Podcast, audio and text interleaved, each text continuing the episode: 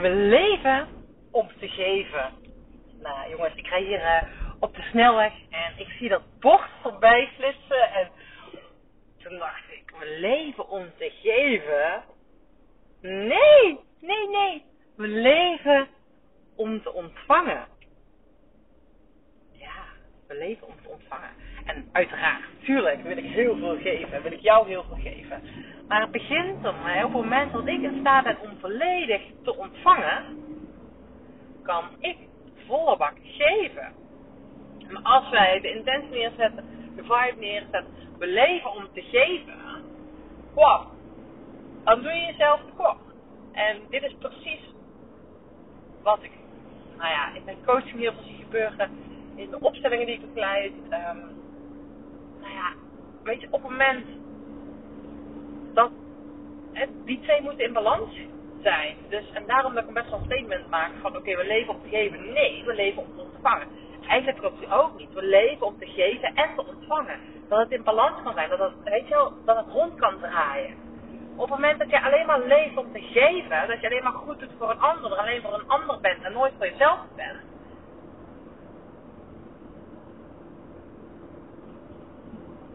Het gaat erom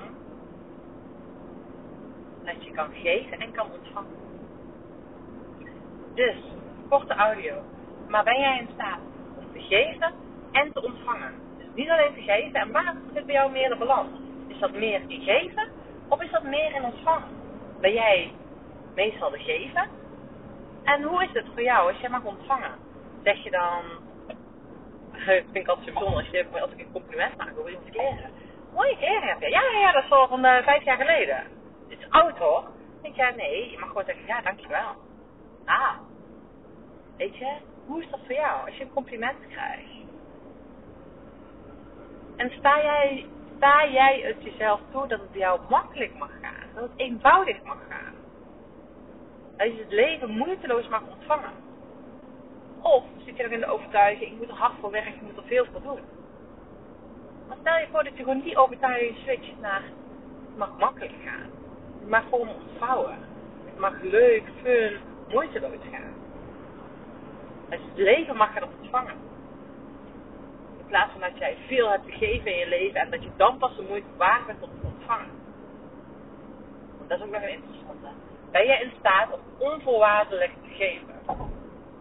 En onvoorwaardelijk te ontvangen. Uh, en wat ik hiermee bedoel is dat we heel vaak onbewust, als jij iets van iemand ontvangt, dat je onbewust schuldig voelt. Dat je onbewust denkt, oh dan moet ik iets teruggeven. Onbewust iets voor die ander moet doen.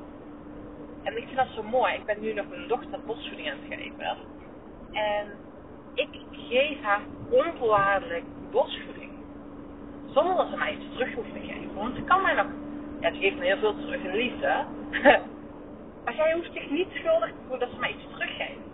En dat is precies wat er heel vaak dus gebeurt. En voor ouders, die hebben hun kinderen heel vaak niet onvoorwaardelijk lief.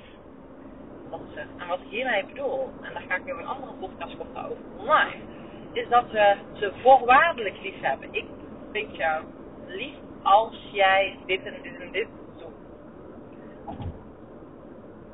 Je bent pas goed genoeg als je goede punten op school haalt. Die vind ik echt, wow, altijd zo zwaar.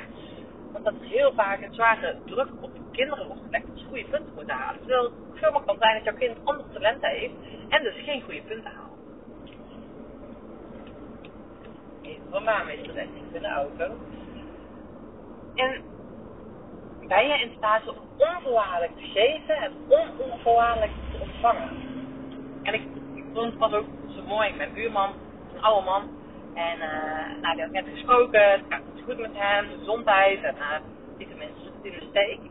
En toen zei hij, ja, ik weet niet wat ik vanavond ga eten. Het zal een uh, soepje zijn, uh, kuppensoepjes voelde ik met alles.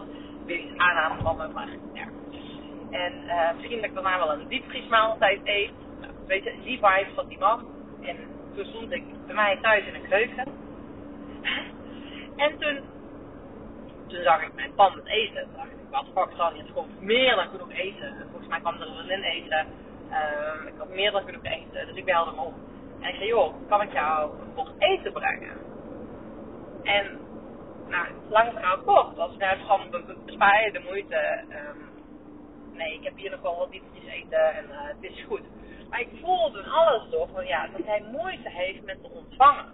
Hij heeft moeite met ontvangen. En nou, hij zette zichzelf daardoor helemaal op slot. En nou, dit is wat, wat ik op de onderstroom voel gebeuren. En is voor jezelf ook eens interessant om bewust van mij, hiermee bewust mee aan de slag te gaan deze week. Van op het moment dat jij mag ontvangen, mag jij moeiteloos ontvangen. Mag jij moeiteloos ontvangen, onvoorwaardelijk, zonder je schuldig te voelen, kan je me open armen vanuit liefde ontvangen. Of, of, of, hm, zit er een voorwaarde in, zeg maar. Vind je het moeilijk om te ontvangen? Is de uitnodiging. Zet je er open voor. En ook met geven, dat je die ander echt iets geeft. Zonder iets terug te verwachten. Puur gewoon dat je die ander het allerbeste vindt dat je iets te geven hebt. Nou, is echt je uitnodiging. Ik heb ooit het boek gelezen. Ik weet niet hoe het boek heet. Er was een vrouw die had MS afgeschreven. Uh, veel gebeurd in haar leven ja, ik zeg afgeschreven, want ze ging echt ging steeds slechter. Uh, ja, ze ging steeds slechter, haar zelf slechter voelen. Echt slechter voelen. En uh, ze was zo van de, zaakjes afgeschreven. uh, en toen had ze zich bedacht, weet je, ja, wat doet mijn leven nog toe? En toen had ze een helder inzicht. Dacht, ja, mijn leven doet er nog heel veel toe. Het gaat er niet om. Ik kan mijn leven, ondanks dat ik ziek ben, toch nog dienstbaar maken. En toch nuttig maken. En toch, maar wat heb ik dan te geven? Nou, het ging zichzelf uitdagen om 30 dagen lang, iedere dag, iemand iets te geven zonder iets terug te verwachten. Puur om die ander iets te mogen geven. Vanuit liefde, vanuit dankbaarheid, onvoorwaardelijkheid. En ik heb dat boek gelezen. Het was zo mooi hoe ik dat boek mocht lezen. Het is echt zo fantastisch. Want wat er in het boek gebeurde, nee, met haar gebeuren, ze waren een verhaal, totdat zij ging geven. En de ene dag had ze een taart gebakken voor haar buurvrouw. De andere dag zei ze gewoon bij de cashier, zei ze heel bewust, goedemorgen, hoe gaat het eigenlijk met jou? Tegen de dan had ze gewoon aandacht gegeven.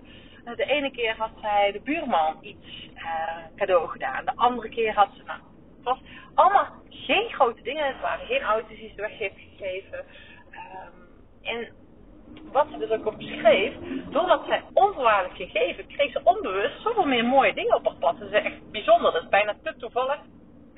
Dat er dus zulke bijzondere dingen op haar pad kwamen. Dat was dan vrij snel, volgens mij gebeurde dat een week al. En even later, naarmate de dagen de challenge vorderden, ging haar gezondheid zelfs vooruit. Volgens mij zat ze eerst een rolstoel en kon ze daarna weer lopen omdat ze zoveel positieve energie van kreeg om gewoon mensen iets te kunnen geven. En dat ze ook open stond om volle bak te ontvangen. Dat net leek alsof dat ze daardoor meer in staat was om haar leven te ontvangen. Nou ja, moraal van het verhaal, grappig. Nee, moraal van het verhaal, ga onvoorwaardelijk geven. Dat boek is echt een aanrader. Dan wilde ik nog zeggen, ik heb het uiteraard, dat boek een keertje onvoorwaardelijk weggegeven. Ik weet niet meer aan wie, ik weet de titel van het boek niet meer. Echt een aanrader. Ik was fucking gewoon eens kijken, want dat boek heeft me echt wel... Uh, vond ik zo mooi om te zien. En ja, nu ik deze podcast spontaan opnam, besef ik ook. Oh, dat, dat raakt me op. Um, was uh, een vriendin die ik al heel lang niet meer had gezien. Uh, die was van ons gaan zitten. Uh, en uh, nou ja, super gezellig. Echt oude jongens krentenbrood. Nou, gewoon echt gewoon ja, heel fijn. En zelf al aangegeven aan mijn vriend van, joh, we hebben nog iets, een uh, maxi cozy dragen voor op de fiets. Nou ja, echt super hip. Dus wij konden hier bij haar uh, lenen en uh, toen kwam gisteravond mijn vriend thuis. En dat was zo lief, weet je. Ze had gewoon bloemen geplukt uit haar tuin om die aan mij te geven. Aardappels heb meegekregen. Verse aardappels uit haar tuin. Nou, dat was gewoon zo. Ik wil je uitnodigen. Ga deze week dus bewust mee aan de slag. Wat heb jij onvoorwaardelijk gegeven, zonder verwachtingen. Wat mag je gewoon en aandacht en tijd zijn het mooiste geschenk die je kan geven. En sta open om echt volledig, volledig echt te ontvangen. Vanuit echt aandacht. Dus dat. Nou, hele fijne dag. En uh, weet, jongens, de zomer komt eraan. Wij hebben lekker vakantie. geniet ervan. Het is een afdaling. En oh, er staan zoveel toffe, drives aan alle kanten. Ik zou bijna willen zeggen, kun je overal inschrijven. Nou, stay tuned, er komen echt, komt echt. Ik merk dat ik steeds meer, ja, na mijn uh, zwangerschapsverlof steeds meer, meer aansta. Dat vind ik echt fantastisch. En ik stond al aan, maar dat er nu ook uh, daadkracht erbij zit om dingen in de wereld te. Dus dat is echt heel mooi. Oké, lieve jij. Doei doei. Fijne dag.